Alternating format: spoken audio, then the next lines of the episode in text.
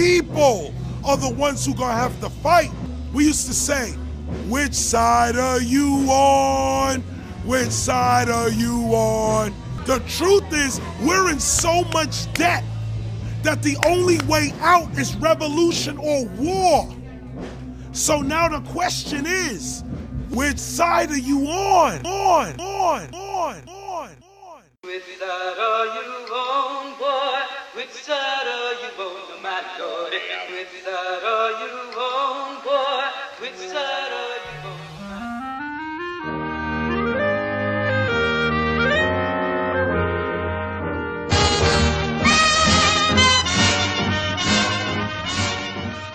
Om inte vänstern skapar ett folk så kommer det skapas ett folk mot vänstern. Inicio Erredron från Podemos. Meningen summerar ganska bra vad vi ska prata om det här avsnittet.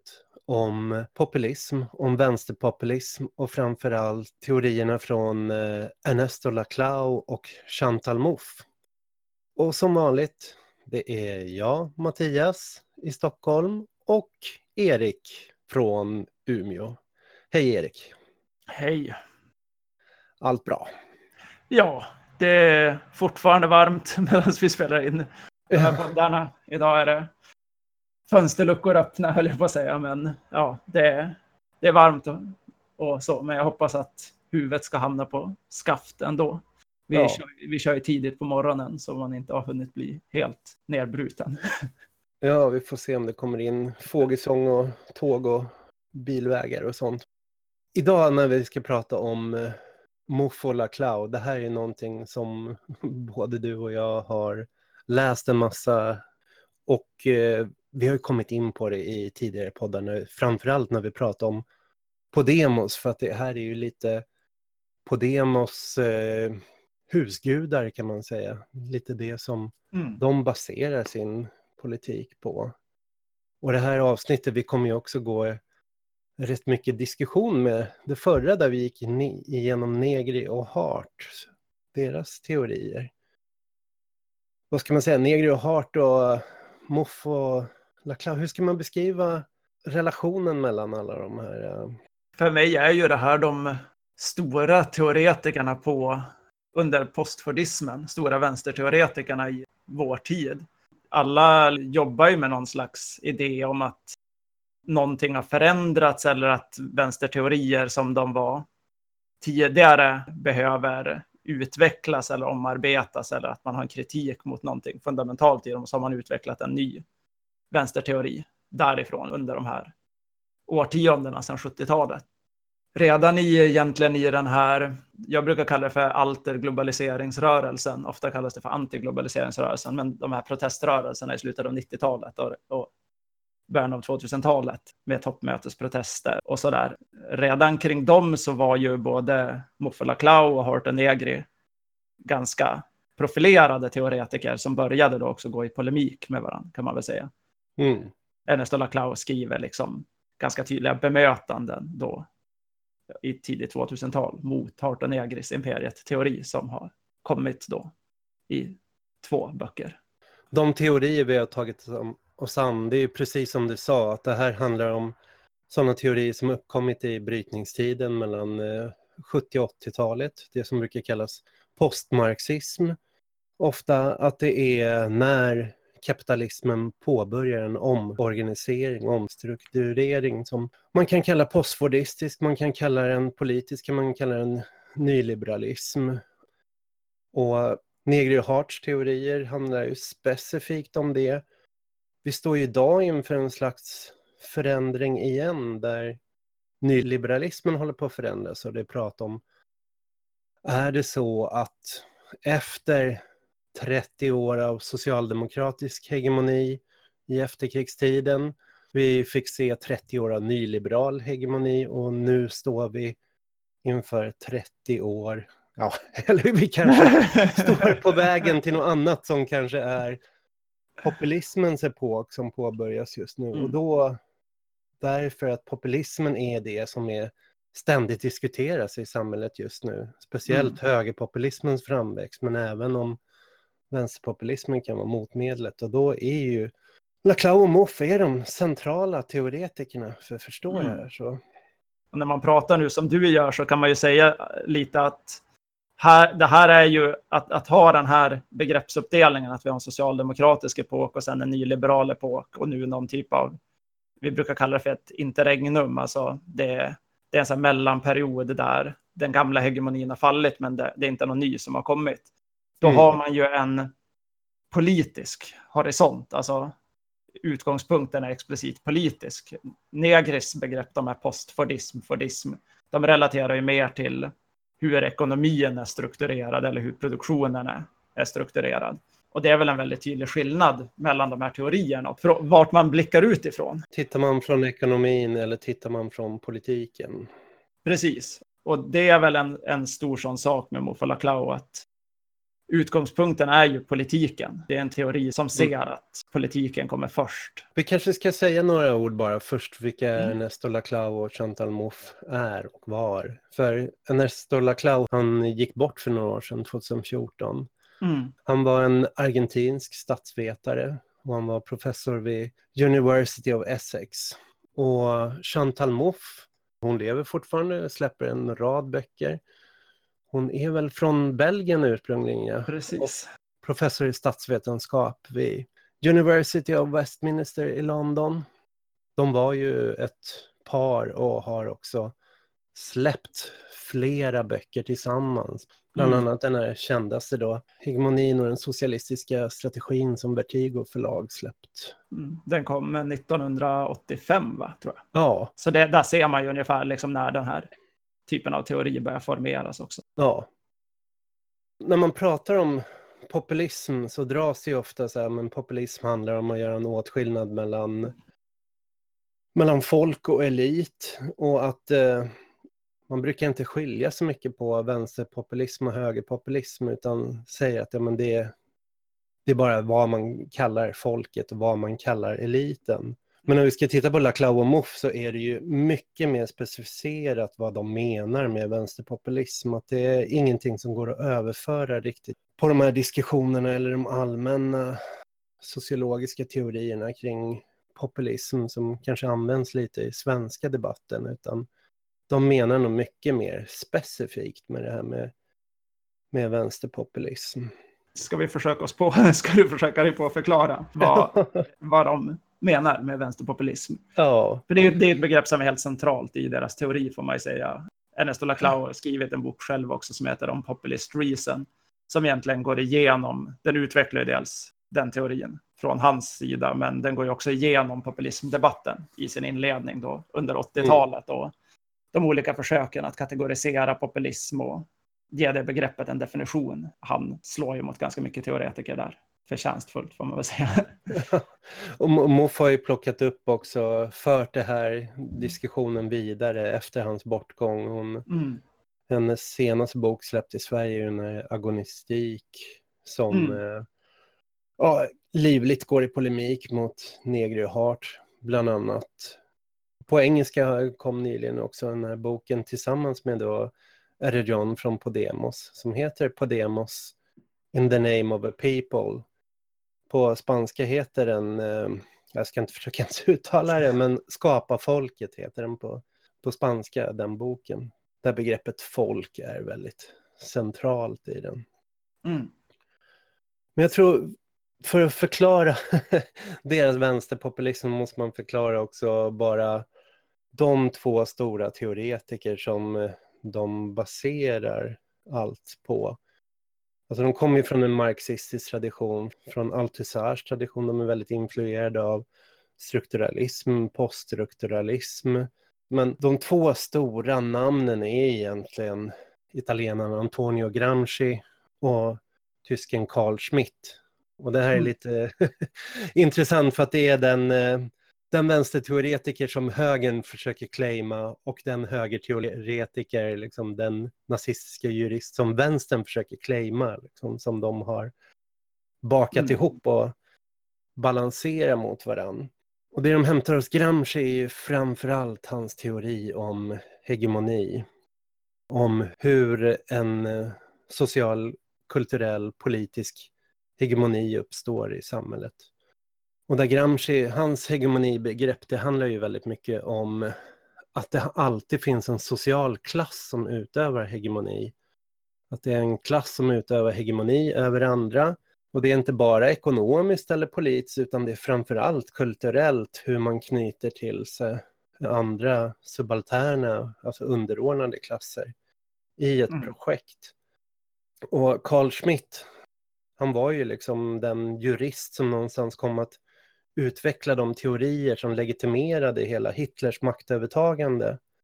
Men eh, en radikalkonservativ eh, jurist som var sen verksam in på 60-talet och har skrivit mm. väldigt mycket teori som, som vänstern har tagit över. Men framförallt är det liksom hans generalangrepp på liberalismen, att liberalismens syn på, på politiken bara som att det är en marknad där man väljer olika idéer framför olika åsikter.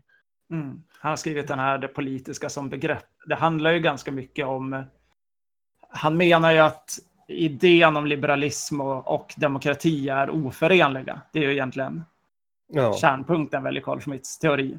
Att för att liberalism ska vara möjlig så måste man undertrycka eller man, man kan inte erkänna idén om att det finns antagonism, alltså konflikter som mm. inte är rationellt eh, går att lösa. Alltså, det finns olika intressen som står emot varandra och som inte går att lösa på, en, på ett rationellt sätt. Och mm. Schmitts slutsats av hela den där teoretiseringen och den konflikten mellan liberalism och demokrati leder ju honom då till att förkasta hela det, den samhällsidén. Liksom.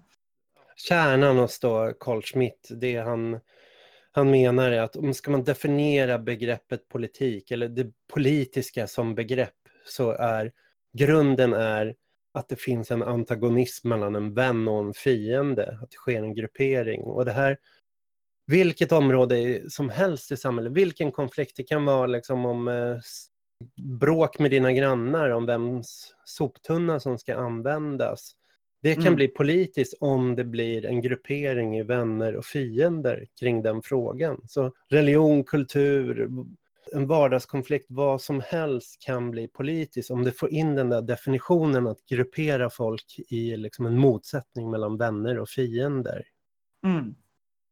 Det är där eh, Laclau och Mouffe då tar de här bitarna, hegemoni och antagonism, det vill säga konsensus och konflikt och ser hur man, om man bakar ihop Gramsci och Carl Schmitt, får någonstans deras teorier, deras postmarxism. Mm. Att hegemonin, skapandet av konsensus, är alltid en kamp och den kräver en motsättning, den kräver en antagonism, att man säger att man skapar ett vi och ett dem och säger att deras projekt är det här, vårt projekt är det här och vår kamp är att vår ska bli hegemonisk.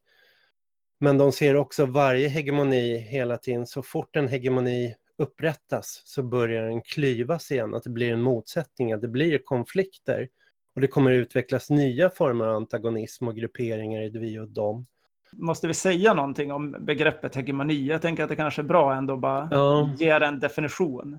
Ja, hegemoni är ju en form av maktutövning som inte bygger på tvång och våld, utan det bygger på skapandet av samtycke.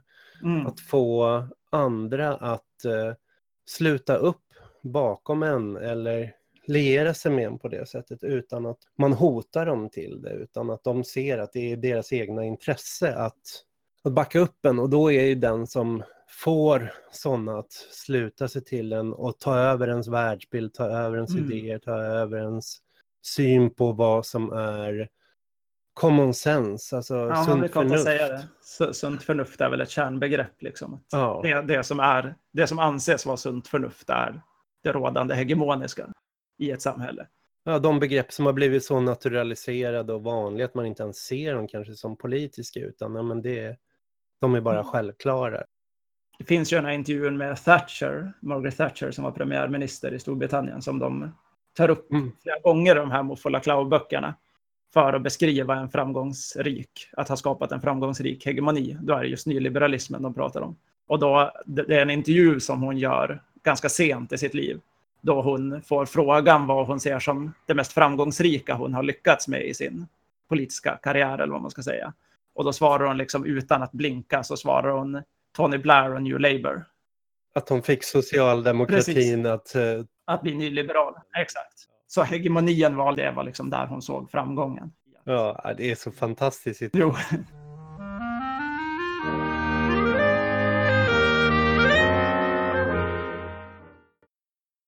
Just det här då med Gramsci Smith, hegemoni och antagonism. Vad gör de då med det här i en period som de ser som eh, början av 80-talet? Arbetarrörelsen tappar mark, partierna försvagas, klassröstningen blir mindre, industriarbetarklassen bryts upp.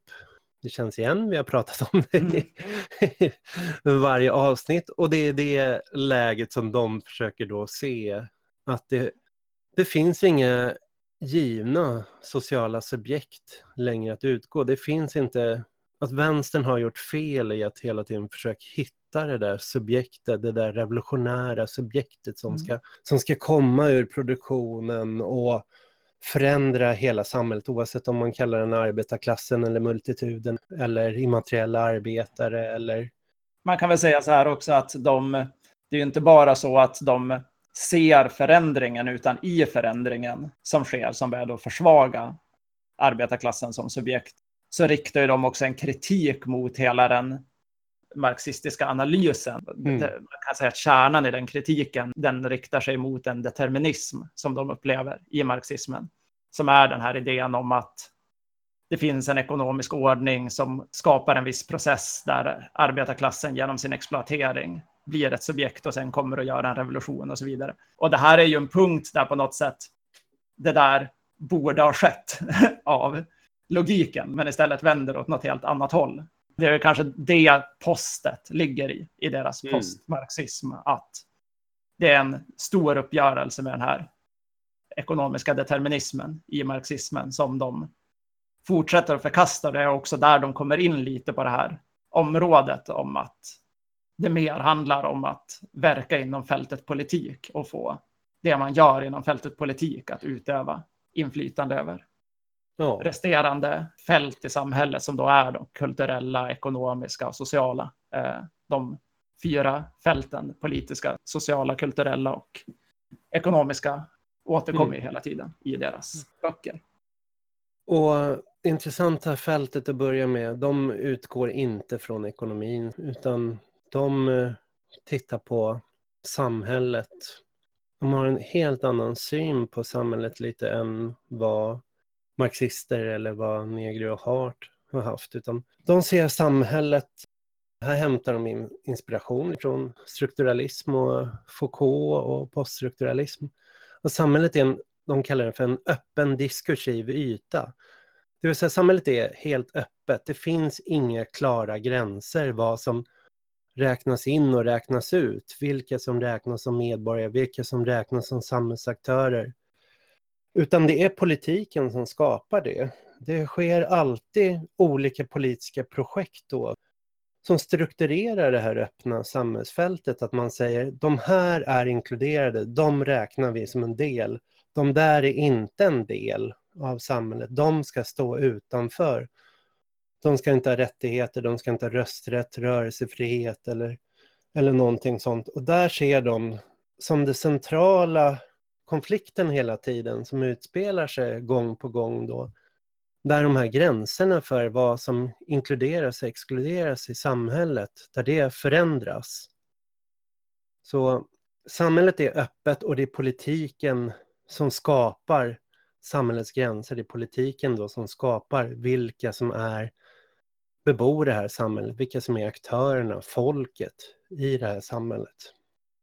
Så vad utgår de från om de inte utgår från subjekt? Att det finns subjekt, det finns inte arbetarklassen, det finns inte kvinnorna. Det minsta hos dem är någonstans att det finns olika former av krav. Det finns olika former. Eh, man kan se, det kommer olika uttryck i samhället som inte är specificerade, inte är preciserade men de här kraven behöver någon form av artikulation och när de artikuleras, när de fångas upp, så det är den här processen de menar subjekten konstitueras, de bildas.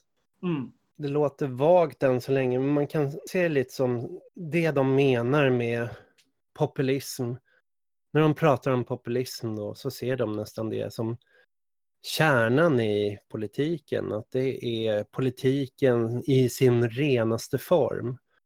Och det motsatta mot populismen då, det man kan säga lite är liberalismens syn, det som de benämner som postpolitik.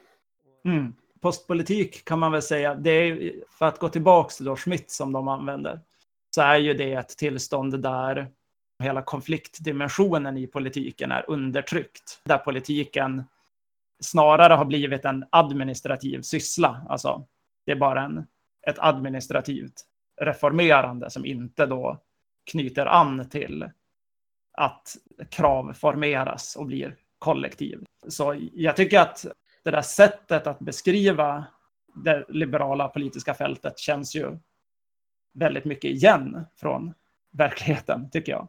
Man kan väl säga att om man ser på perioden som vi levde i historiskt före högerpopulism och vänsterpopulism började komma in på arenan på riktigt, så var ju det tillståndet ganska mycket så. Politiken var en, en administration av samhället. I princip ett bevarande av status quo. Och med sin andra sida då att den blev individualiserad, att det handlade mm. om individuella åsikter, tyckande, valfrihet. Alla skulle framföra sin egna syn. Det, det fanns inga kollektiva uttryck för det, utan man kan mm. se hela sociala medier-tykonomin som mm. en form av postpolitik. Istället för frågan politiker, så här, vad vill ni som parti? Så svarar politikern, jag som individ tycker det här är förkastligt och jag har sålt mina aktier i det företaget. Här, och då är det så här, typiskt postpolitiskt svar, att man inte svarat utifrån de kollektiva kraven och den kollektiva viljan. Mm. Så populism handlar, politik för dem handlar om att skapa en kollektiv vilja. Och det handlar om att förhålla sig till en mängd behov och krav i samhället. Det de ser då är att eh, det finns, varje samhälle, varje hegemoni har knutit till sig och skapat kanaler. De har skapat institutioner för en massa behov och kanaler. Det är så de har skapat sitt folk.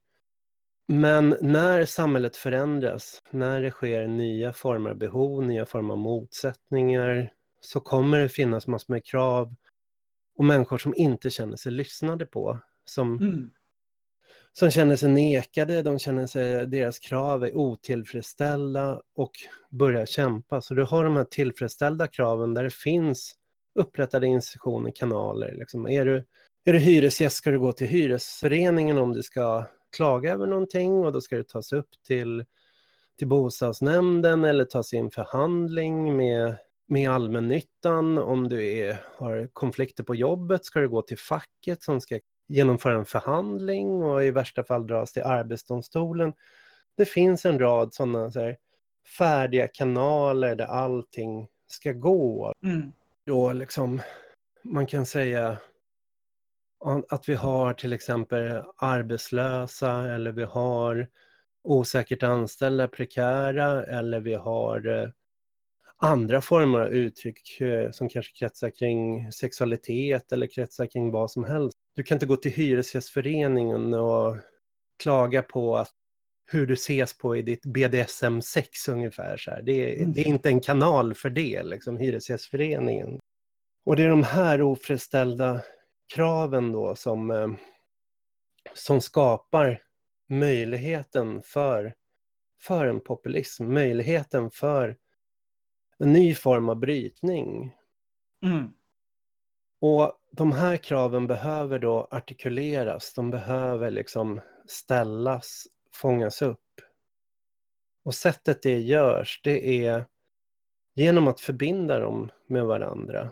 Att krav tar och knoppar ihop sig klumpar ihop sig i långa kedjor. De pratar om det som ekvivalenskedjor, att olika former av krav förbinds med varandra.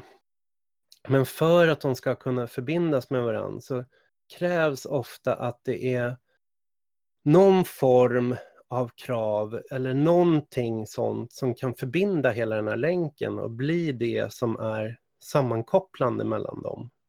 Mm. Och det här, de här olika, vad man kan säga, enskilda partikulära kraven då. Ett av de kraven träder fram och liksom blir det som alla andra sluter upp bakom. Det kommer bli hegemoniskt. Ett exempel de drar det är hur den där polska fackföreningen Solidaritet under realsocialismen, hur det började med hamnarbetarna försökte organisera sig i en självständig fackförening och kämpa mot den liksom socialistiska regimen för erkännande av rättigheter i hamnen. Då kom det krav på rättigheter till organisationsfrihet, till yttrandefrihet och plötsligt så blev den där fackföreningen blev det som förband demokratikrav i hela Polen och de kommer bli den samlande kraften, den, den politiska kraften, ett hamnarbetarfack. Mm. Som hela det antagonistiska subjektet formades kring som ett nytt som, Mm. som vände sig mot, den socialistiska regimen. Det är ett ganska bra exempel att ta just, det blir ju lite mer konkret när man ställer det i realsocialismen eller i, ett sånt sammanhang liksom, där det blir väldigt tydligt, tror jag, för de flesta att det finns massa undertryckta behov och Ja. oartikulerade behov. Men, men grejen är ju att exakt samma situation tenderar ju då, enligt Muffola Klau, att uppstå över tid i en hegemonisk regim, även om den har kommit till makten på demokratiska vägar. Liksom. För att det Ja. uppstår en så här förment konsensus kring massa saker som gör att ja, samma, det blir samma situation. Liksom. Men, men just i det här polska exemplet så blir det väldigt tydligt, tror jag. Det finns massa människor i den regimen som inte Mm. erkänns massa saker. Och det centrala begreppet då hos eh, Laclau är det här med tom betecknare, flytande betecknare, empty signifier på, på engelska. Och det Mm. är då det här, det partikulära krav som blir det universella, som blir det som förbinder alla, som blir det som klistrar ihop allt. Mm. det viktiga för dem då liksom är att eh, det får inte vara för definierat, för tydligt, utan alla olika otillfredsställda krav måste kunna känna igen sig i det och kunna se någonting av sig i det. Mm. Så att ju tydligare det blir, desto svårare blir det för många att Man kan väl känna säga igen sig i det. Man kan väl säga nästan så här att det är, det, alltså det är mottagaren som ska definiera det. Alltså det är inte avsändaren som tydligt ska definiera den här Ja, eh, tomma signifikanten, utan den som hör det begreppet lägger in sitt eget svar av vad som betyder i det. Liksom. Och eh, sådana här tomma betecknare, typiska sådana, kan ju vara sådana här begrepp som rättvisa eller skulle man kunna ta för andra exempel. Ja, sådana begrepp som kan vara väldigt eh, döda och meningslösa, men som kan tas över och, eh, eller skapas. Men som olika människor lägger in olika värderingar i. Så kan fånga Ja. alla de här andra kraven inom sig. Liksom. ja visst, det kan bli någonting som kan klistras på varenda annan fråga och då kan det ju vara en paroll, det kan vara en organisation, det kan vara en gestalt, en person, en, eh, en populistisk, karismatisk person som, Mm. som blir den där, som Trump har varit. att Mm. tittade, När de analyserade Trumps valkampanj så var de så förvirrade för de tyckte, ja, men lyssna på ett av hans tal, liksom, han, han slänger ur sig tusen hakar åt olika håll här. Det, det håller ju inte ihop på något sätt, det är inte koherent, det är inte ett budskap.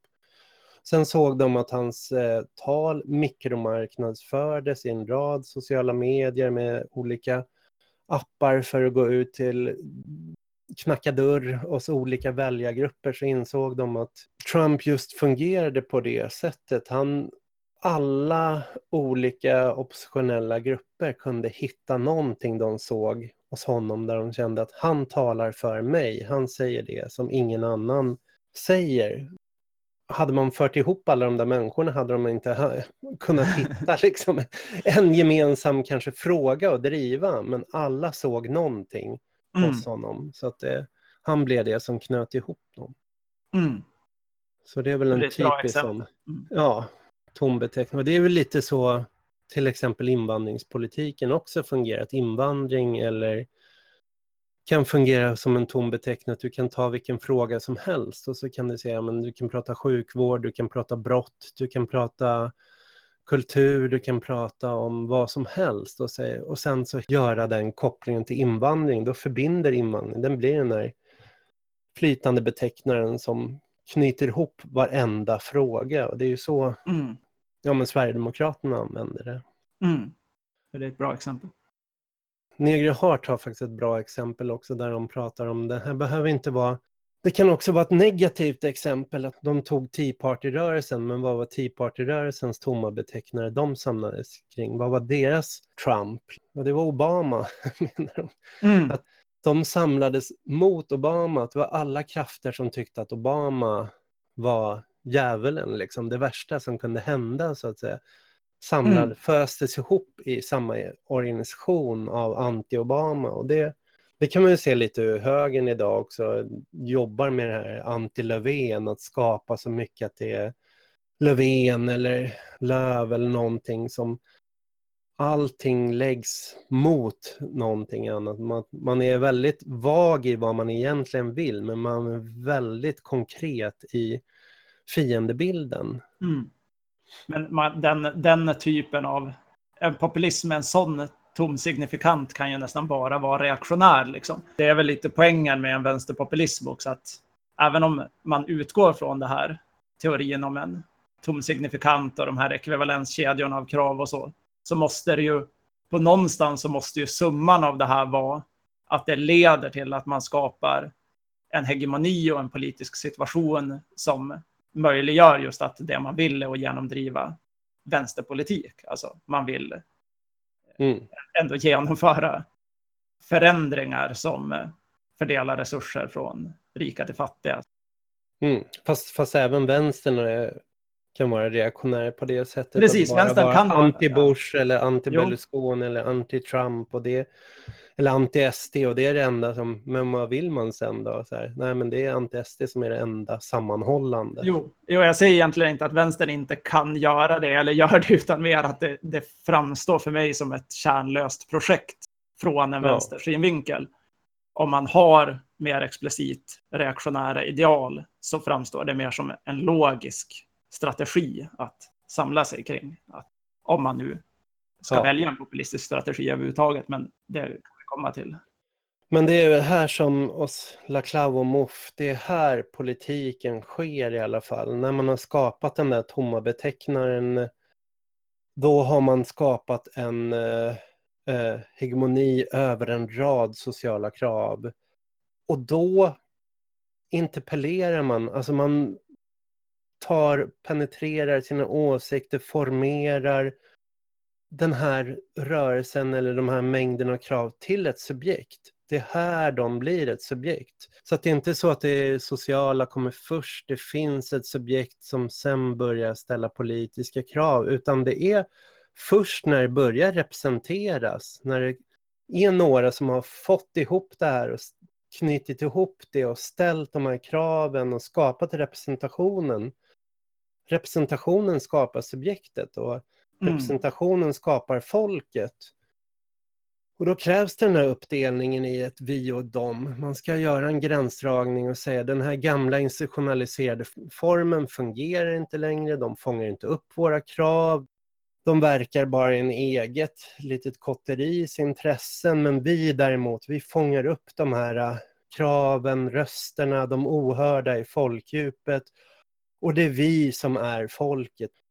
Så att där i det tillfället uppstår folket. Så folket hos Laclau och Mouffe, det finns inget essentialistiskt. Det finns inget liksom att folket har en historia, en eh, viss kultur, en viss etnicitet, utan det här är Folket är en produkt, det är någonting som skapas i politiken Mm. när man gör de här artikulerandena och skapa representationen, då, då bildas det här. Ja, även den här eh, eliten är ju i Podemos fall i allra högsta grad någonting som de producerar i sitt politiska pro projekt. Liksom. De skapar den här benämningen, vi pratade om det på Podemos-avsnittet, hur de har skapat den här benämningen La Casta, kasten, för, Mm. som är det i, i det här fallet, liksom, som är fienden i deras projekt. Och också folket, att de använder inte pueblo som har mer den här historiska konnotationen, historiska betydelsen, utan de, har, de tar la gente, att eh, vanligt folk Ja, som precis. beteckning. Det är Mm. vanligt folk mot kastet, inte etnofolket mot, eh, mot kasten. Nej. Så det är det folket de, de skapar i det här. Mm.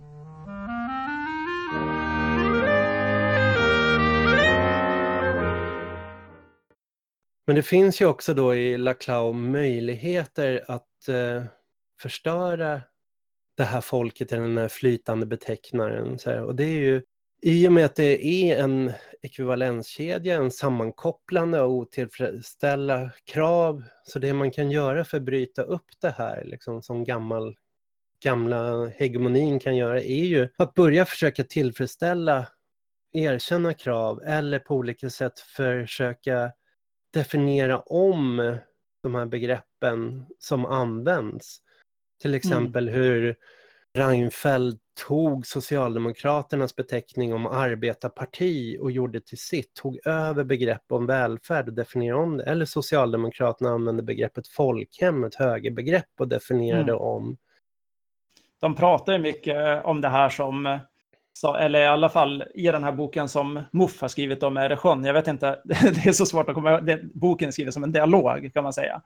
Där det liksom bara är deras namn i början på varje och så pratar de med varandra genom hela boken. Så det är lite svårt att komma ihåg vem som har sagt det. Men de pratar ju mycket då om att ha en fot i det rådande och en fot utanför det eller bortom det. Och att det här är, vad fan är det de säger, det är en desartikulering, reartikulering, är, är det rätt begrepp? Ja. Eh, som man hela tiden ska syssla med, som man liksom ägnar sig åt att bryta upp den rådande hegemonin. Man knyter sig an till vissa delar av den och så bryter man bort vissa delar och så drar man in saker utifrån så att man ja, skapar de här förskjutningarna och tar över Mm. vad som är viktigt, vad det samtalas om, vilka frågor som egentligen vad spelplanen är. Så den kulturella kampen blir här liksom kärnan i det som kommer att definiera politiken. Politiken kommer sen att skapa det sociala, skapa det sociala och ekonomin då som en fjärde Sverige är rätt underordnad. Den, Mm. den spelar inte den rollen för dem alls i politiken utan vägen går via kulturpolitik, social Mm. vilket är en helt annan väg än Negri och Hart som vi pratade om förra gången, där det ekonomiska bestämmer det sociala och i stort sett sammansmälter med det sociala och de sociala kamperna, de sociala rörelserna, det uttrycket i det sociala alltid har en primat, det kommer först. Och sen kan politiken spela en stödjande underordnad roll. Politiken kommer sen och för Negri och Hart är det kulturella totalt ointressant. Mm.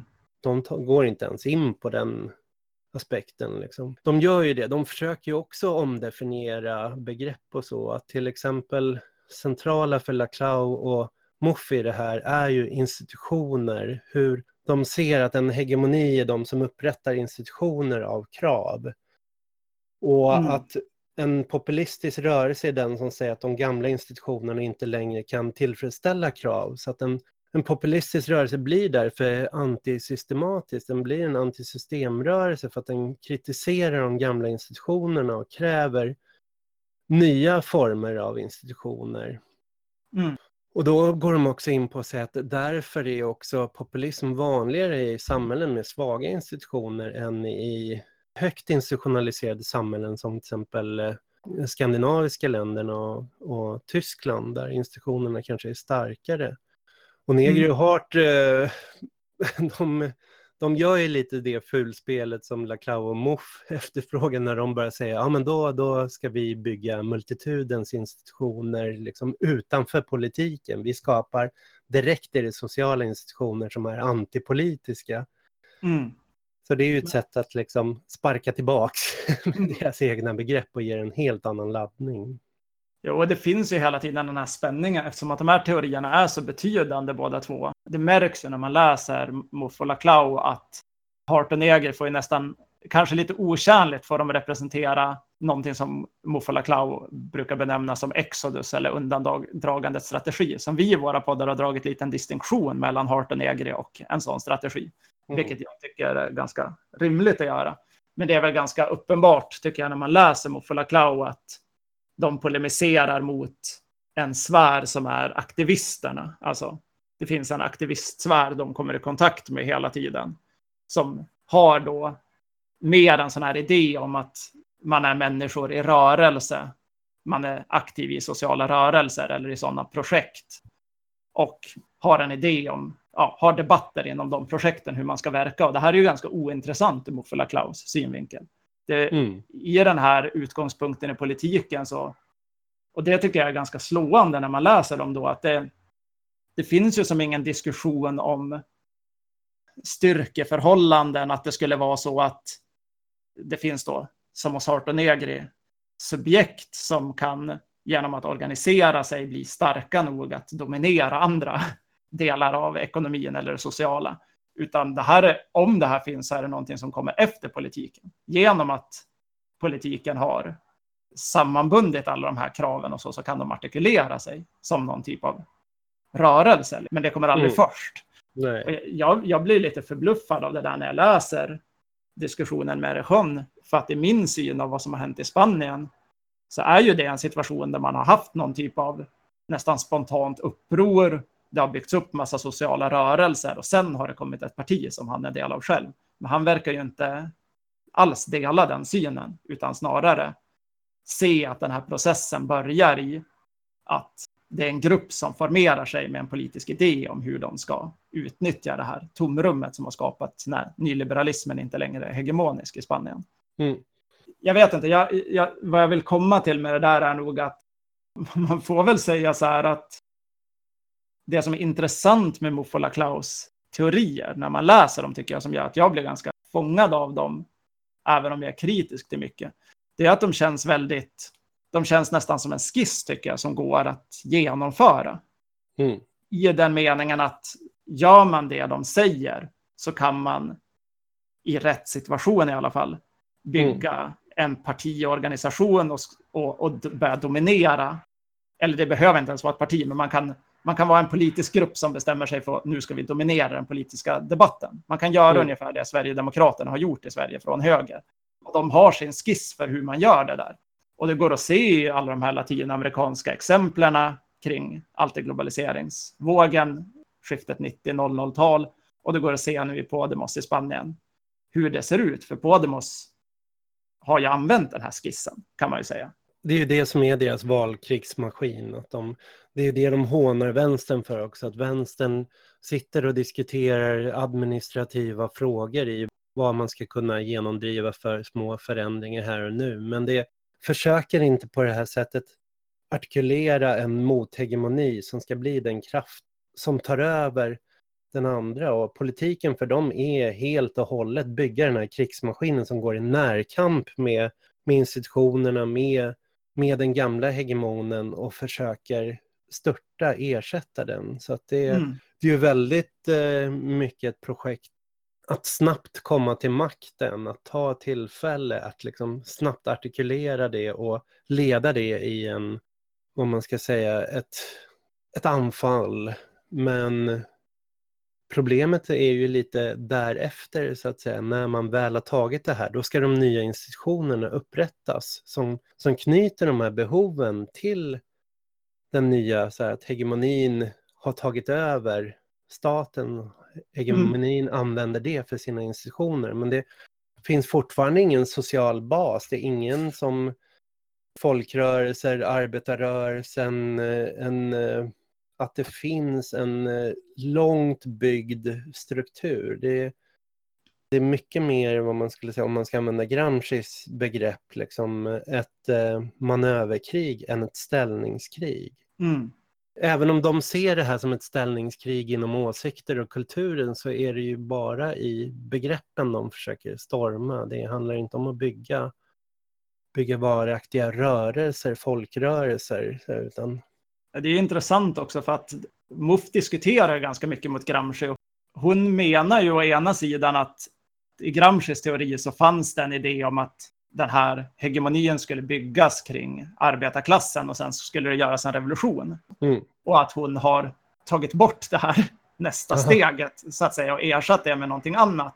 Men hon gör det väldigt explicit genom att säga att hon säger så att om Gramsci hade levt i den situationen vi är i idag så är jag väldigt säker på att han hade dragit samma slutsatser. Han var en pragmatisk och öppen person som såg samma dimensioner som vi ser. Så att det där att han tyckte så, då var bundet till den situationen han skrev i, väldigt specifikt då, i Italien på den tiden. Vad det nu är, 30-talet. För den eh, andra stora Gramsci-experten som Perry Anderson har ju gått väldigt hårt åt MOFs eh, Gramsci-läsning i och med att han menar, vilket jag tycker är med rätta, att det, det Gramsci skrev om var ju att eh, utifrån en ekonomisk bestämning skapas sociala klasser.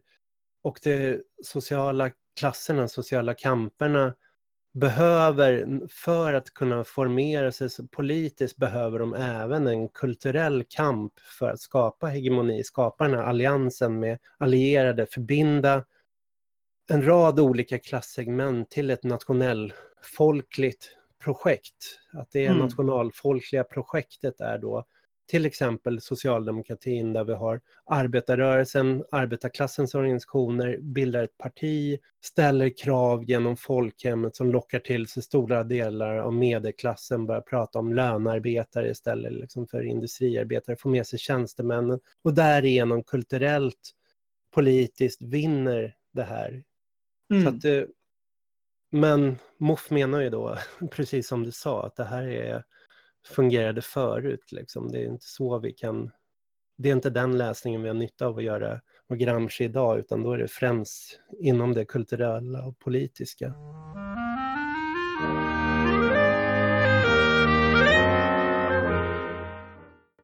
en sak som vi inte har pratat om så mycket, det är de här begreppen. Alltså, vi har pratat om begreppet eh, antagonism och hur MUF tar det från Schmidt och synen på den här, vad ska man säga, liberala paradoxen. Men Muff har ju ett väldigt tydligt projekt, i alla fall på senare år, som är idén om att bygga, ska man säga, plurala demokratier. Finns det Mm. ett bättre svenskt begrepp för det? Demokratier som erkänner någon typ av mångfald Pluralistiska demokratier. pluralistiska demokratier. Och mycket av hennes sista bok som kom på svenska, Agonistik, den tar ju upp, den ställer ju ett nytt begrepp bredvid det här antagonistiska begreppet som är hennes läsning av Carl Schmitt bortom Carl Schmitt så att säga. Att hon läser Carl Schmitt men hon försöker dra slutsatser bortom hans negativa slutsats. Och då kommer ju hon med det här begreppet agonistik som vi kanske bara borde förklara kort för att det känns så viktigt, i alla fall idag i MUFs teori, om vi inte bara pratar om Mm. Podemos projekt, utan så här, vad är det hon ser framför sig?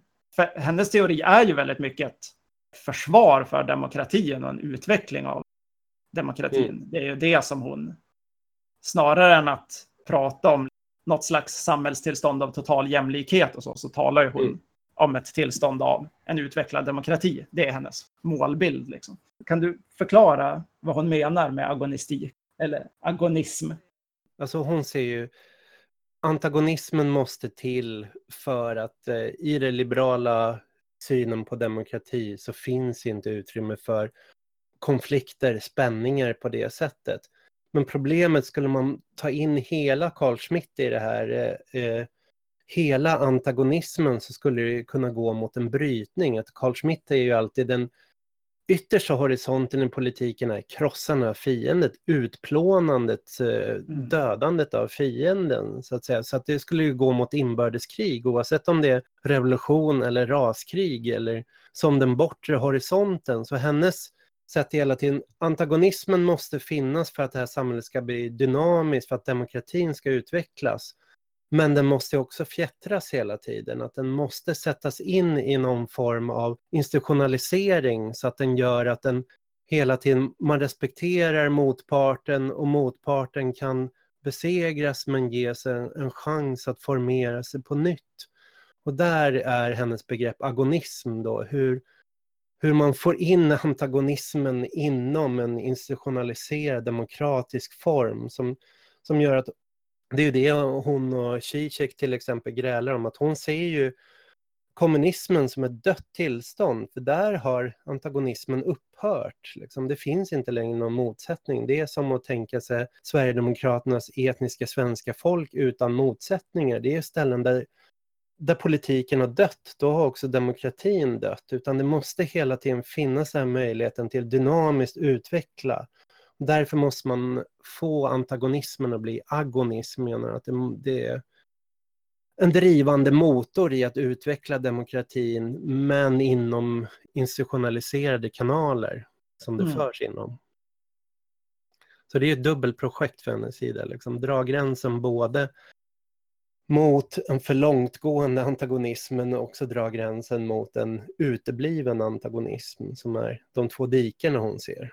Mm. Alltså när jag läser teori av den här typen, även den här teorin är ju ganska Alltså i de senare böckerna får man ju säga är den ganska klar, precis som Negre Heart blir mycket tydligare i Assembly. Hos Ernesto Laclau, när man läser den i början, hans större verk, så är det ju en ganska tung mm. vänsterteori som har mycket referenser och så som man kanske inte riktigt kan eller jag kan inte tillgodogöra mig det 100 procent. Liksom, jag... Nej, man måste kunna strukturalistisk och psykoanalytisk tradition och ja, det är väldigt... Exakt, men det, det, det är liksom jag vill så här säga att alltså det spelar inte alltid så mycket roll för mig, för jag läser inte teori för att känna så här, jag kan det här, jag kan droppa alla de här referenserna. Jag kan säga om det här är rätt eller fel, utan jag, alltså vi som är organiserade i rörelser borde i alla fall läsa teori med utgångspunkten så här, hur kan vi använda det här? Hur kan det här vara ett verktyg för att skapa förändring? Finns det? Mm. För mig är det lite ett russinplockande att läsa teori. Jag försöker så här, hitta saker som som väcker så här idéer i mitt huvud hur jag kan göra, verka politiskt där jag är. Och de här åren som jag har läst Muffola Klaus är det, jag har varit engagerad i Allt åt alla under de här åren som en ganska liten vänstergrupp i Umeå. Och vi har haft en period i Umeå av en ganska, vi har, det har genomförts en ganska stor stadsomvandling i den här stan som mm. det har varit mycket konflikter kring.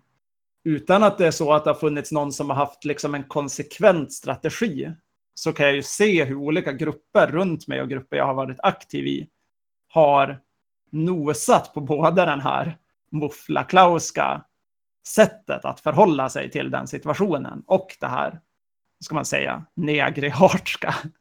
Och det negrihartska har ju varit kanske mer det uttalade projektet vi har haft i Allt åt alla som jag är aktiv i. Det har handlat om att skapa sociala rörelser kring olika materiella konfliktpunkter, att försöka knyta samman existerande subjekt till, till den här multituden, men på liksom vår mikroskopiska skala. Att vi har sett att det finns massa människor som är drabbade av eh, miljöproblem kan vi säga, eller som är drabbade av exploatering på sin arbetsplats i offentlig sektor eller som blir bortträngda av att man river hus och bygger nytt. Det kan vara olika saker. Så försöker man få dem där att samlas i ett rum och formera sig som en rörelse och, och bygga någonting bortom. Det är ju den här negrehartska mm. idén på en mikroskala. Liksom.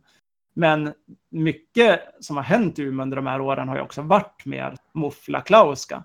Men då kanske det inte har varit så mycket folket som har varit begreppet som vi har råkat använda, utan det har mer varit medborgaren. Alltså, det har funnits mm. den här kanske suveränen, socialdemokratin, eh, kommunalrådet eller någon slags idé om konsensuset mellan partierna i fullmäktige och vissa byggherrar som har varit en sån här fiendebild som massa konflikter och har kanaliserats kring. Och viet har varit medborgarna mot domet som då skiftar lite mellan kommunalrådet, kommunen. Det har kallats lite olika saker. Men Mm. där ser man ju så här hur det här konkret kan se ut. Och där är ju den här, vad var det vi kallade det nu? Ja, men fienden. Just en sån där negation snarare än ett positivt projekt. Det som inte har hänt i Umeå är väl alltså att ingen av de här vägarna har ju strategiskt valts så explicit och ingen av dem har heller utvecklats så explicit. Det har inte startats något vänsterpopulistiskt parti till exempel som har Mm. haft idén om att ta makten genom det här, men det är ganska lätt att se, se i relation till vilken diskussion som har skapats på något sätt organiskt i politiska miljöer så är det ganska lätt att se hur det Mm. ser ut, en sån vänsterpopulism lokalt ser ut. Liksom. När man ser det på den nivån, det är väl bara det jag vill säga, så ser man väl kanske också vad som är förtjänstfullt i det. Alltså, Mm. när man jobbar med det lokalt så ser man att så här, okej, men det går att göra exakt det här. Det går att, att forma ett vi, ett nytt folk, medborgaren kan vi kalla det nu, mot den här eliten som vi har en föreställning kring och knyta massa olika gruppers krav kring det projektet och hitta något, någon typ av sån här tom signifikant liksom, huvud, huvudkrav. Liksom. Men mycket frågan i mitt huvud när vi har haft diskussioner i våra rörelser, det är ju just det här, men sen då? Vad händer om vi skapar det här partiprojektet? Vad händer om vi får makt? På lokal nivå blir det ju väldigt uppenbart då att den lokala hegemonin är extremt begränsad i relation till då den nationella och internationella sfären. Det känns som att det också är det som möjligtvis skulle kunna göra att ett sådant projekt skulle kunna vara någonting intressant på en lokal nivå är ju just att det finns rörelser, att det finns stora grupper människor som kan omsätta det i förändringspraktiker, liksom där reformutrymmen kommunalt är stängda. Och så. När jag har tänkt på det så väldigt praktiskt så, så ser man kanske både förtjänsten och begränsningarna i den här teorin. Ja, jag, jag tycker också den är väldigt lockande och jag har ju någonstans, eh, man sitter och läser deras kritik av Negri och Hart och säger ja men de har en poäng. Och så läser man Negri och Harts kritik av dem och säger ja men de har en poäng. Och sen så skulle man på något sätt vilja få ihop det och därför är ju Spanien intressant att titta på för där existerar alla de här strömningarna samtidigt och ibland fäller de krokben för varandra men för det mesta lyckas de faktiskt få en samgång som gör att de är starkare och intressantare än till exempel de grekiska exemplen. Mm. Ja, kanske är det, gå tillbaks till en eh, Per Anderssonsk läsning av Gramsci, liksom, att man måste väga in alla de här sidorna, det ekonomiska, det sociala, det kulturella och politiska, att man kan inte kapa bort vissa bitar som, som både Negri Hart och eh, Laclau och Moff gör i sina läsningar. Det är där det där liksom det blir problematiskt. Mm. Jag tänkte på en av de saker du sa också, det är ju det intressanta med Carl Schmitts antagonism är att den kan uppstå var som helst och det är det som Laclau och Mouffe tar över för det här, vad ska man säga, för i deras postmarxism, man säger att vilket område som helst kan bli, kan bli politiskt, bli artikulera krav, bli en blir också en samlande kraft och det är ju då att försöka tänka på vad skulle kunna vara de här tomma signifikanterna, tomma betecknarna som blir samlande idag. Då ser man ju att hos dem är inte vänsterpopulism ett innehåll. De säger inte att det här är, som vänsterpopulism diskuteras lite idag, att, att ställa de här folkliga kraven eller prata på det här sättet, det, det är vänsterpopulismen. Eh, Men de ser ändå vänsterpopulism mer som en form än innehåll. Och vi kan tänka oss mängder av olika former av vänsterpopulism och det är också lite vilket som blir den här eh, som blir den tomma betecknaren, det, det som knoppar ihop allting i sådana fall. Är det klimatfrågan? Är det välfärdsfrågan? Är det att hitta någon arbetarklassintresse, försvara strejkrätten? Eller vad, vad kan det bli för fråga? Är det försvara liksom eh, en inkluderande medborgarbegrepp eller någonting sånt? Mm. Vad är den fråga som, som kan få andra att samlas och knoppa an under sig? Så? Mm. Och det kan man ju se ju med exemplet hur att det är, en, det är en ganska märklig fråga som allting knyts kring. Allting graviterar ju kring liksom stadsomvandlingsfrågan. Och den är ju väldigt, eh, på samma sätt som, eh, som invandringsfrågan är det i rikspolitiken, så är den frågan väldigt eh, överordnad kanske sin, alltså om man skulle försöka tillskriva frågor så här, objektiv betydelse. Så här, vad är faktiskt det viktigaste, det som borde ha mest utrymme i debatten ur Mm. någon slags sån så här, angelägenhetssynvinkel så är det kanske inte de frågorna som diskuteras, utan just där ser man ju hegemonin. Man Mm. ser att, att här har liksom en sån fråga fått en sån betydelse och det representerar någon typ av, av hegemoni snarare än... Man ser ju när man läser Twitterflöden och så, så ser man ju ofta vänstermänniskor som är så frustrerade över det här i riksdebatten. Att så här, ja men det är bara den där frågan som diskuteras. Varför diskuteras inte den här frågan? Som att det är liksom, man utgår från vad som är objektivt viktiga. Så här, bostadsfrågan är ju jätteviktig.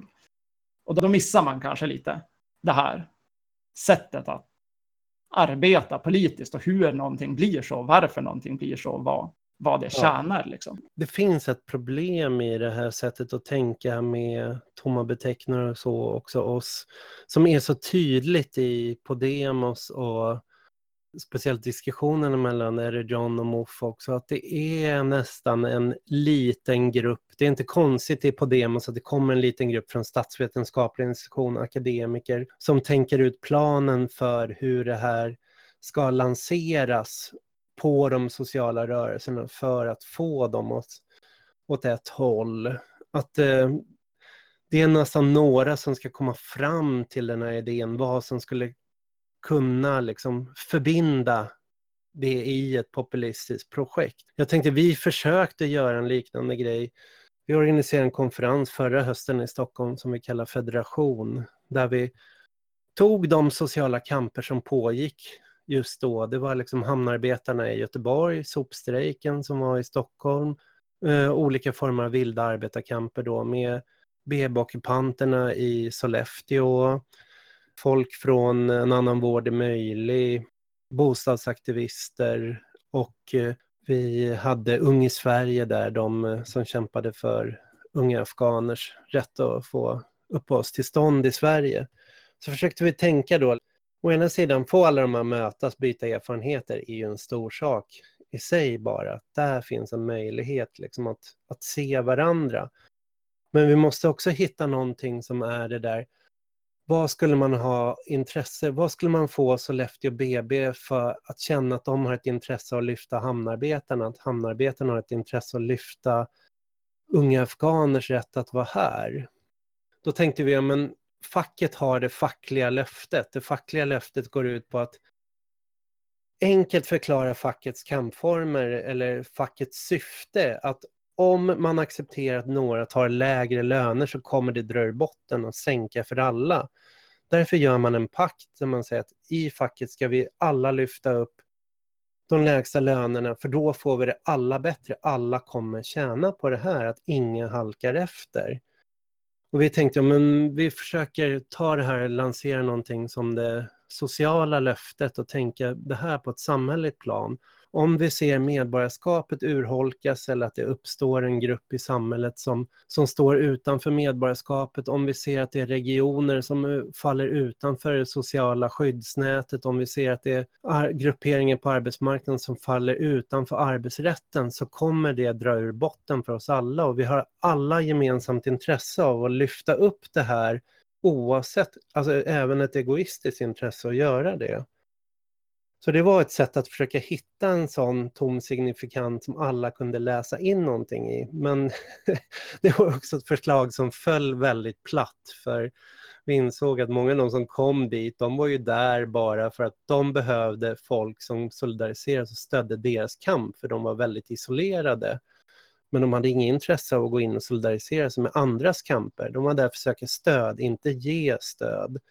De kunde ge sin erfarenhet, liksom vad de hade gjort, men de ville inte ge stöd, för det skulle splittra den stora bredd de hade på sitt lokala plan i den frågan, om de plötsligt började slänga in andra frågeställningar. Då skulle, då skulle de försvagas.